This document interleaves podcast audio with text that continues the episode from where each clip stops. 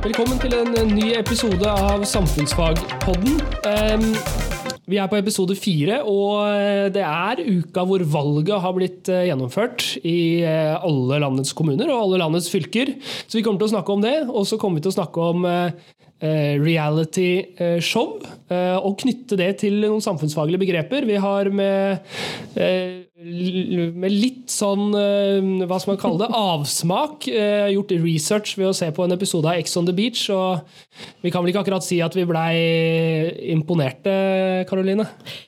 Nei, det var en selsom seeropplevelse, det må jeg si. Men vi får, vi får, ta oss en ordentlig prat om Ex on the Beach senere. For det, jeg skal ikke ha sett det der forgjeves, i hvert fall. Det var liksom en halvtime av livet mitt jeg aldri får igjen. Nei.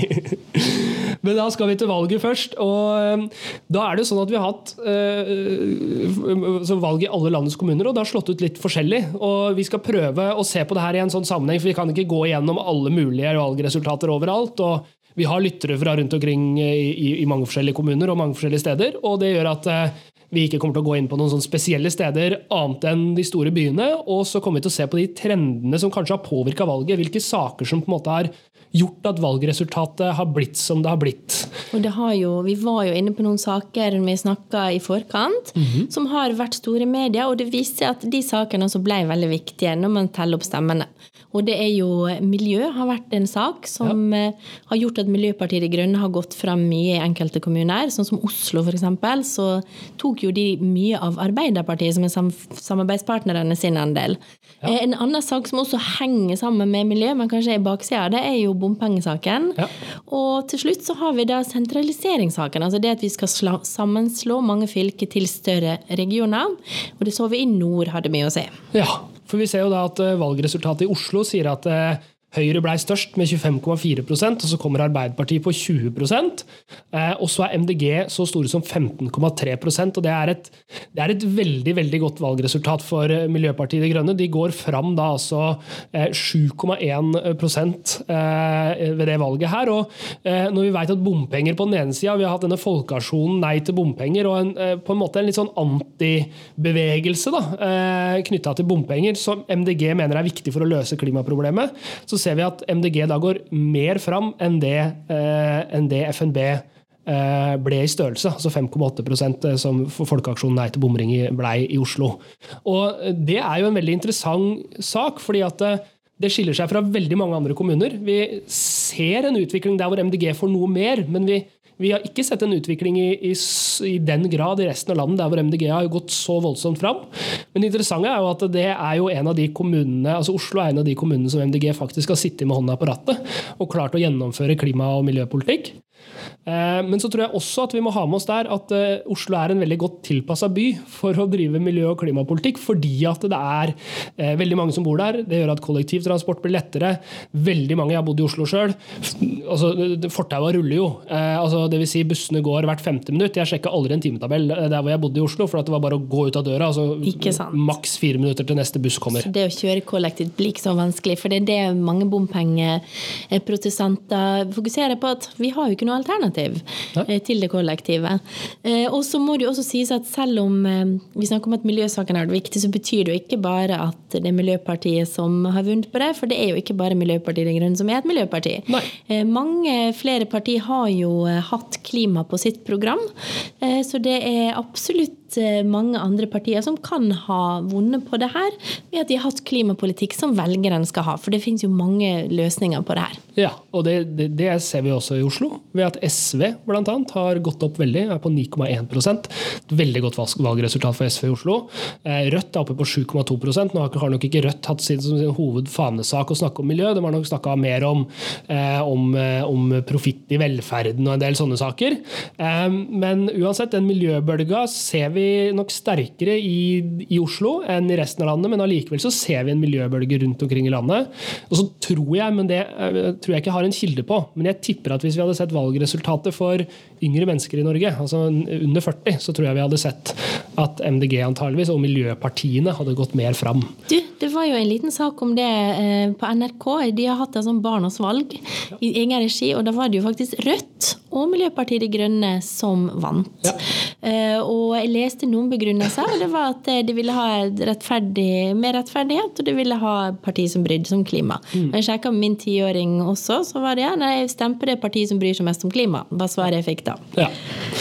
Så, så kan vi jo gå til Bergen, da. Og der er det Høyre som er størst, med 20 Arbeiderpartiet er på 19,8% og så kommer FNB, Folkeaksjonen nei til bomring, på 16,7 Og her er MDG på 9,9% Så her ser vi en helt motsatt effekt, egentlig. For, for, her er ikke MDG store, og dem har ikke vokst. Så den, den eh, liksom, saken som har blitt stor i Bergen, er en helt annen sak enn den som ble stor i Oslo. Og den saken her var jo bomringene rundt Bergen.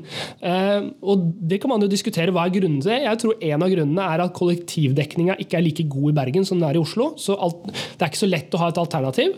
Og så er Oslo hvis man ser på kartet, så er Oslo en ganske sånn samla by. Det er en lettere by å lage kollektivtransport i enn Bergen. Jeg, snakker med bergensere om det her nå med bompengemotstand. for jeg er, eh, Og det er ikke de samme folka som er bompengemotstandere i Bergen som i Oslo. da.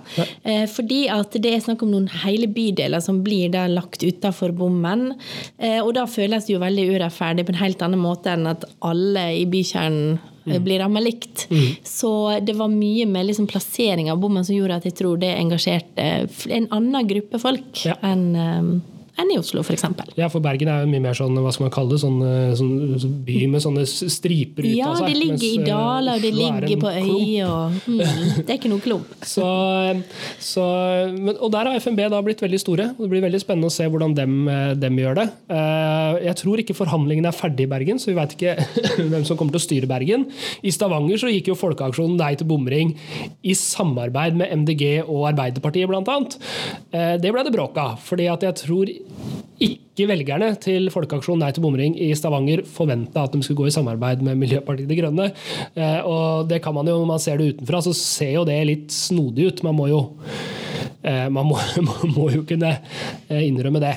Men allikevel så sier det noe om det der med klimapolitikk. da, At ja. det handler jo faktisk om løsninger. og ja. Eh, gudene veit hva de har tenkt, men eh, kanskje de har funnet noen eh, samlingspunkter om andre ting. Ja. Noen andre praktiske løsninger. Så vi får se. Ja, så er det ikke gitt at det er mest mulig buss som løser klimaproblemene. Det kan godt hende det finnes andre fornuftige løsninger, og det tror jeg man skal være åpen for også. At man ikke låser seg sånne spor. Men da har vi vært på to saker. Den ene var bomring, og den andre var, eh, var øh, miljøsaken. Klima og miljø, ja. Eh, og så, så kom vi på den tredje, og da reiser vi til Troms og Finnmark fylke.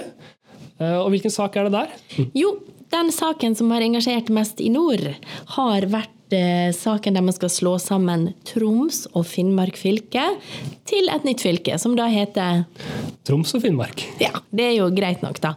Så på papiret så høres det ganske likt ut, men eh, i praksis så vil jeg si at det blir en enorm eh, enhet som folk skal bo i da.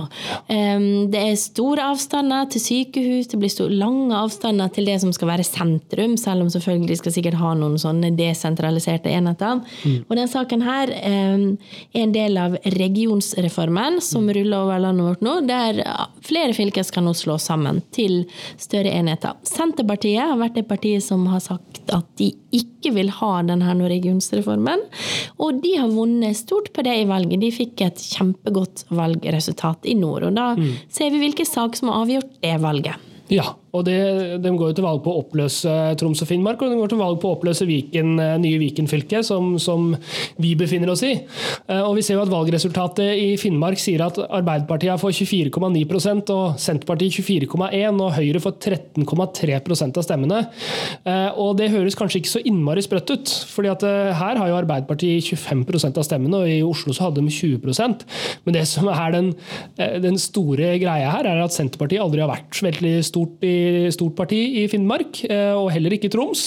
Eh, og Arbeiderpartiet har vært et gigantisk altså Nord-Norge har vært et veldig viktig område for Arbeiderpartiet. Så Senterpartiet går faktisk 15,4% fram i Troms og Finnmark, og det er, det er, merkverdige tall. Eh, for da går de fra å være et miniputtparti til å bli et av de to styringspartiene i, i, i nye Troms og Finnmark. Så det er jo på mange måter et valgskred, og, og er et eksempel på hvordan en svær sak nasjonalt virkelig påvirker valga lokalt. Det er interessant det du brukte ordet valgskred. Det er en metafor, et bilde på noe som kommer rasende ned. og jeg hadde tenkt å si Når du hører på radioen at noen sier det her er et politisk jordskjelv, så jeg kan vi nok kalle det altså Det er noen store mm. mengder med velgere, eller folk flytter seg fra et sted til et annet. Da er det jordskjelv på gang. Da er det jordskjelv. Så da har vi gått gjennom valgresultatet. Vi har diskutert noen sånne drivende saker da, for hvordan, hvordan valget eh, går. Og så kan man jo eh, også se rundt omkring i Norge at det er ofte én sak til som, som pusher eh, eh velgere. Og det er gjerne hvem som stiller til valg. Eh, vi, vi, kan gå til noen her i området, da, så, som, som, vi er. Vi, vi, bor jo i Kongsberg. og Da kan vi f.eks. gå til Numedal og se på Nore Uvdal, der hvor eh, Arbeiderpartiet gjorde et kjempegodt valg, til tross for at, til tross for at Senterpartiet er veldig i vinden der oppe. Det er mye pga. den personen som har stilt, vil vi tro. Eh, det finnes i hvert fall ingen, ikke så veldig mange andre veldig gode forklaringer på det. Eh, og Vi ser også andre steder i, i, i fylket vårt og i landet at eh, det er veldig populære folk, spesielt i små kommuner, som, som gjør det veldig veldig bra. KrF fikk jo landets yngste, tidenes yngste ordfører, 21 ja. år, i Soknadal.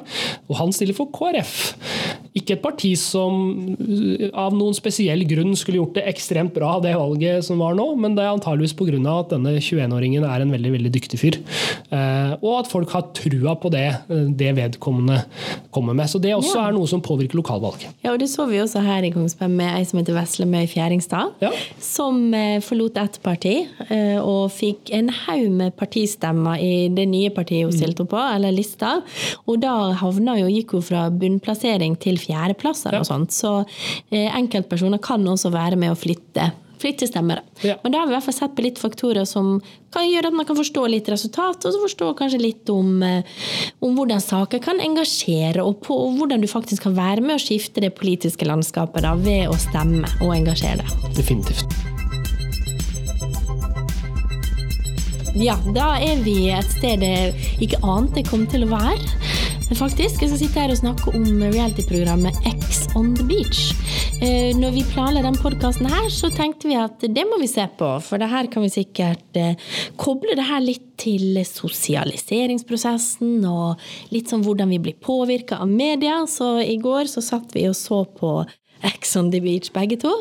Og eh, det jeg må innrømme det var første gang, og jeg ble mer og mer Jeg følte mer og mer ubehag jo mer jeg så, så jeg skal prøve ikke la mine sånn, subjektive oppfatninger gå utover det her. Så jeg har prøvd også å tenke litt på noen faglige begreper som vi kan koble til det her, da. Og mm. det første som slår meg vi må diskutere, det er jo normbegrepet. Mm. Det er kjempeviktig i samfunnsfag når vi skal snakke om hvordan vi blir en del av samfunnet, og hvordan vi blir den vi er. For det at eh, fra vi er født, så møter vi hele tida forventninger til oss. Mm. Eh, vi får beskjed om hva som er normalt, norm normalt i en situasjon, og så innretter vi oss deretter. Og de påvirkningene kan komme eksplisitt ved at noen sier til oss sånn må du gjøre, eller sånn må du ikke gjøre, men de kommer veldig ofte at vi ser mm. på folk rundt oss, gjerne som vi ser opp til, som betyr noe for oss, og så etterligner dem. Og så, når jeg så på det programmet i går, så tenkte jeg hjelp! ja, eller det kan komme av mangel på sanksjoner. Altså at andre gjør ting som ingen reagerer på, og, derav, og det skjer ofte nok, så blir det greit. Ja. Uh, og det er jo en utfordring ved disse reality-seriene, kanskje. Altså, øh, jeg er i den generasjonen som, som eh, gikk på videregående når Paradise Hotel begynte.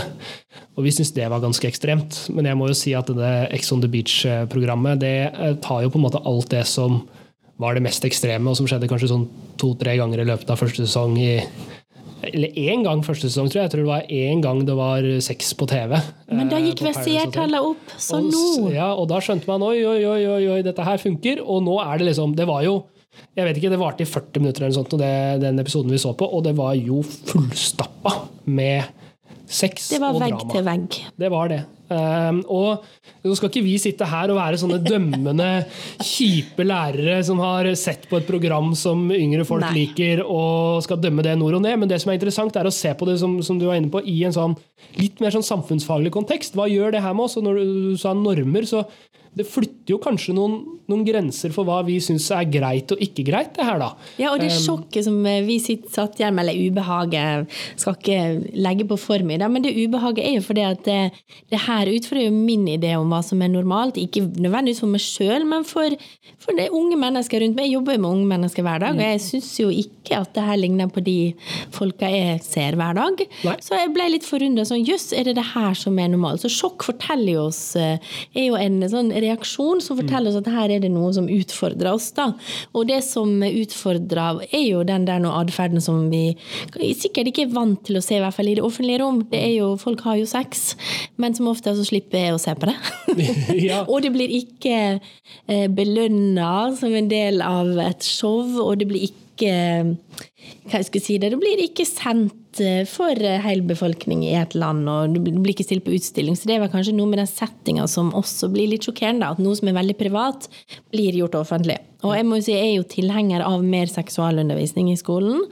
For det er noe vi vet at det, dessverre det, vi er ikke helt gode nok på ennå. Mye handler om fifi og bruk kondom og sånne ting, mens veldig lite handler om selve sexen og grensesetting, men også litt sånn om eh, Altså likestilling er et tema som bør komme litt mer inn der. Og vi var jo litt enige om at det var full likestilling på noen måter her. Ja. De har jo fremstilt og objektivisert på mange måter, og med, det, med det mener vi at de måte fremstiller mennesker som nærmest ting, da, som brukes. eh, Både menn og kvinner. Ganske likt, egentlig, i, i den episoden vi så, i hvert fall. Eh, og, og det er jo en sånn seksualisering som er ganske, ganske voldsom. Eh, og så, så er det noe med Hvis det er sånn at, at disse programmene gjør at man tenker at en, det er sånn en fest er, så, så, så, så skal ikke vi si at det nødvendigvis er galt, men jeg vil kanskje si at det, det er kanskje ikke i hvert fall, eh, Det er ikke oppskriften på det jeg oppfatter som en god fest, i hvert fall. Nei, og det, det kritiske blikket som vi kan eh, bidra med fra, i samfunnsfag, som vi håper at elever også får, da, det er jo at det man skal spørre seg hvem er det som er avsender her, da?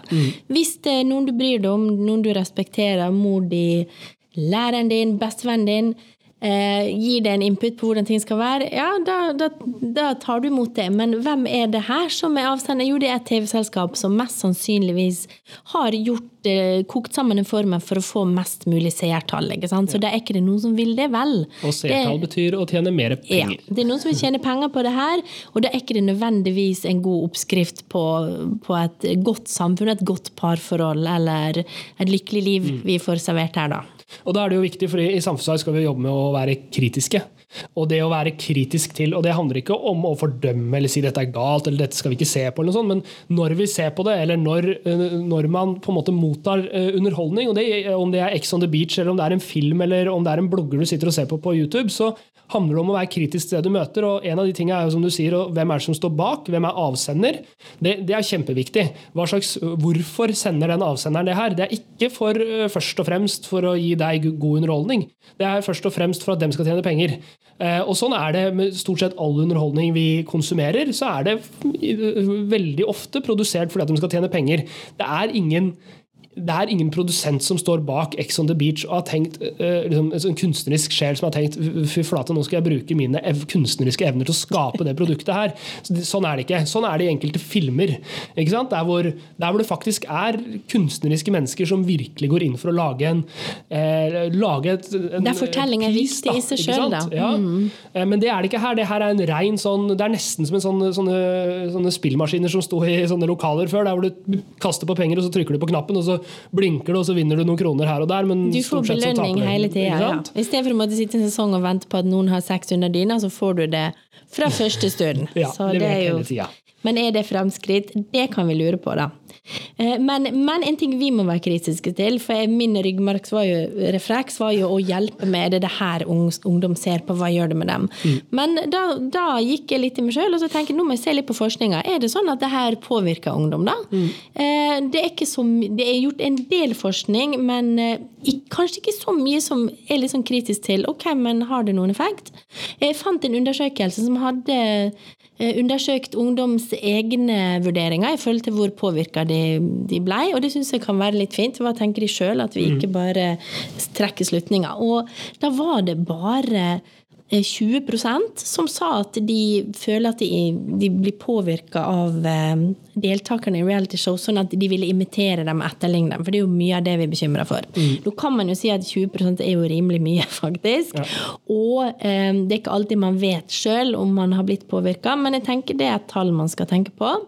Og så er også det der med at det, det å være kritisk, så var det faktisk bare 30% av de som ble spurt i undersøkelsen, som trodde på at det her var virkelig. For en ting når det heter reality-TV, så er det jo ikke virkelighet. Det er det vi kan kalle en enhanced reality. altså Det er pynta på. Det er en virkelighet som er sterkt pynta på av TV-team som klipper og redigerer og manipulerer ved å putte folk sammen og sånne ting. Så Eh, kan vel diskutere om det er pynt, men eh.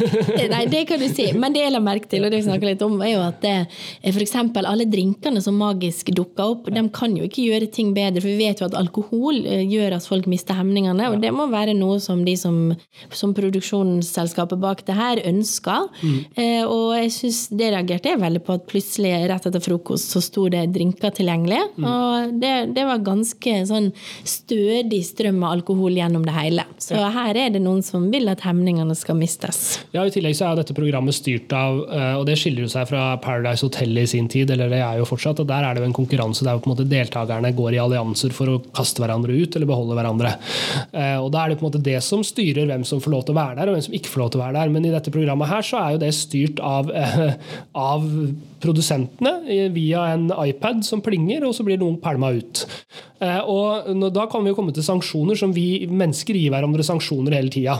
Eh, hvis jeg hadde gjort noe veldig rart nå, så ville du reagert på det jeg gjør. Hvis jeg hadde pella meg i nesa, eksempel, så hadde du kanskje liksom kikka opp og syntes det var litt kleint, og så hadde jeg reagert på det, og så slutta å pelle meg i nesa. Eh, og, Det er jo sånn sanksjoner fungerer, og det driver vi med hele tida. Og vi tenker nok ikke så veldig ofte over når vi sanksjonerer hverandre. Jeg merker at når jeg sitter på pauserommet sammen med Vi jobber jo på en avdeling der hvor det er veldig mye kvinner.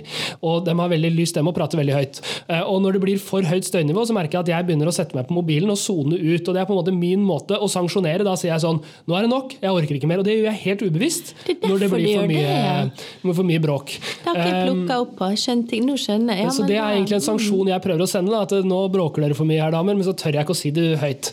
Eh, og sånne sanksjoner gir vi hverandre hele tida, eh, og, dem, og dem er ganske ganske interessante. Men i det programmet her så er på en måte de menneskelige sanksjonene på en måte kokt ned i en iPad. Der hvor den som sender sanksjoner, den verste sanksjonen du kan få i det spillet her, er å bli kasta ut.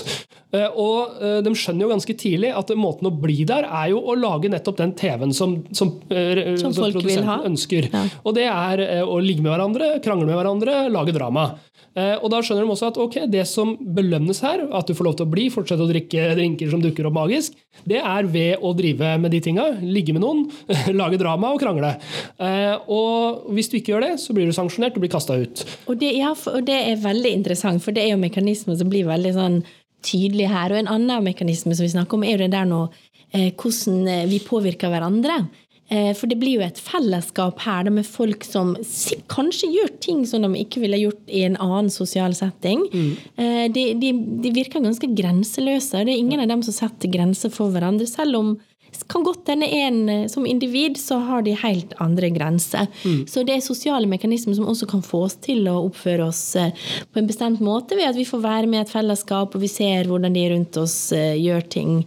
Eh, og så plutselig så sitter du der og har hatt sex med fire stykker mm. på TV i beste sendetid, og kanskje ikke det var akkurat det du hadde tenkt å gjøre. Nei, og det kunne også vært interessant å, ha fått forskning på det, fordi det kan jo også hende at denne, altså disse menneskene er jo isolerte eh, i en, en, en, sånn hytte, eller det er jo ikke hytte, det er jo et palass. Eh, og hovedsanksjoneringsfunksjonen er via den iPaden, via redaktøren. Og hva det faktisk gjør med de sanksjonene imellom disse deltakerne, er også interessant. fordi at det, er, jo, det er jo på en måte Det kan hende dem slår ut da, en del av disse sosiale sanksjonene dem imellom, for da blir det en konkurranse. Konkurransen er ikke som i Paradise Hotel eller Robinson-ekspedisjonen eller Farmen om å bli mest likt, men det er rett og slett konkurransen er å være mest ekstrem. Det er jo det, um, og det så jeg på, det tenkte jeg faktisk på. Kommer det litt sånn eh, analyse her nå? Fordi de introduserte jo en ny X, og det var et grufullt øyeblikk når to av dem skjønte at eh, det var eksen til begge to. Eh, men eh, det som da skjedde, var at eh, en av jentene fikk i oppgave å velge en av de to guttene som var der, og hun valgte den ene. Og når hun da hadde valgt den ene, så fikk han andre da beskjed om at oi, du, da får ikke du være med mer. Mm.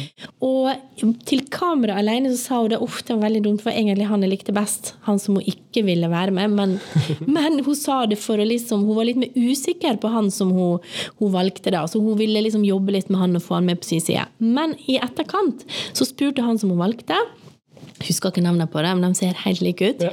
Eh, så spurte han ja, var du glad for at det var ikke jeg som røyk ut. Og da, i den settinga, så sa hun ja, jeg var mye mer, jeg var veldig glad i det. For det, jeg er ikke så tiltrukket av yngre gutter, for det var en yngre fyr som hadde røket ut. Og da så jeg liksom på ansiktet hennes at det jeg tror ikke hun syntes det var så veldig ålreit, men det oppmuntrer da til løgn og bedrag, og det kjennes ikke særlig ok ut å svike folk og gå bak ryggen på dem. Mm. Så det interessante her er jo hvis man klarer å se bak det her og analysere de tinga, og det er jo der samfunnsfaget er interessant, for at man lærer seg en del om ja, nettopp normer, sanksjoner, alle de tinga her, og det er ting som vi møter i livet vårt hele tida. Hvis man er kritisk til de tinga når man sitter og ser på, så er det helt uproblematisk, egentlig. Eh, men hvis man sluker det her som om det var en virkelighet Nå viser det seg at det var ikke så veldig stor andel som som, eh, som, kanskje tror det er virkelig. Eller, Vi får håpe det. Det er i hvert fall en veldig regulert virkelighet. Og, men hvis man klarer å være kritisk til det, så vil man også på en måte avsløre det som er på en måte, som man kanskje ikke bør ta med seg som et godt eh, livsråd.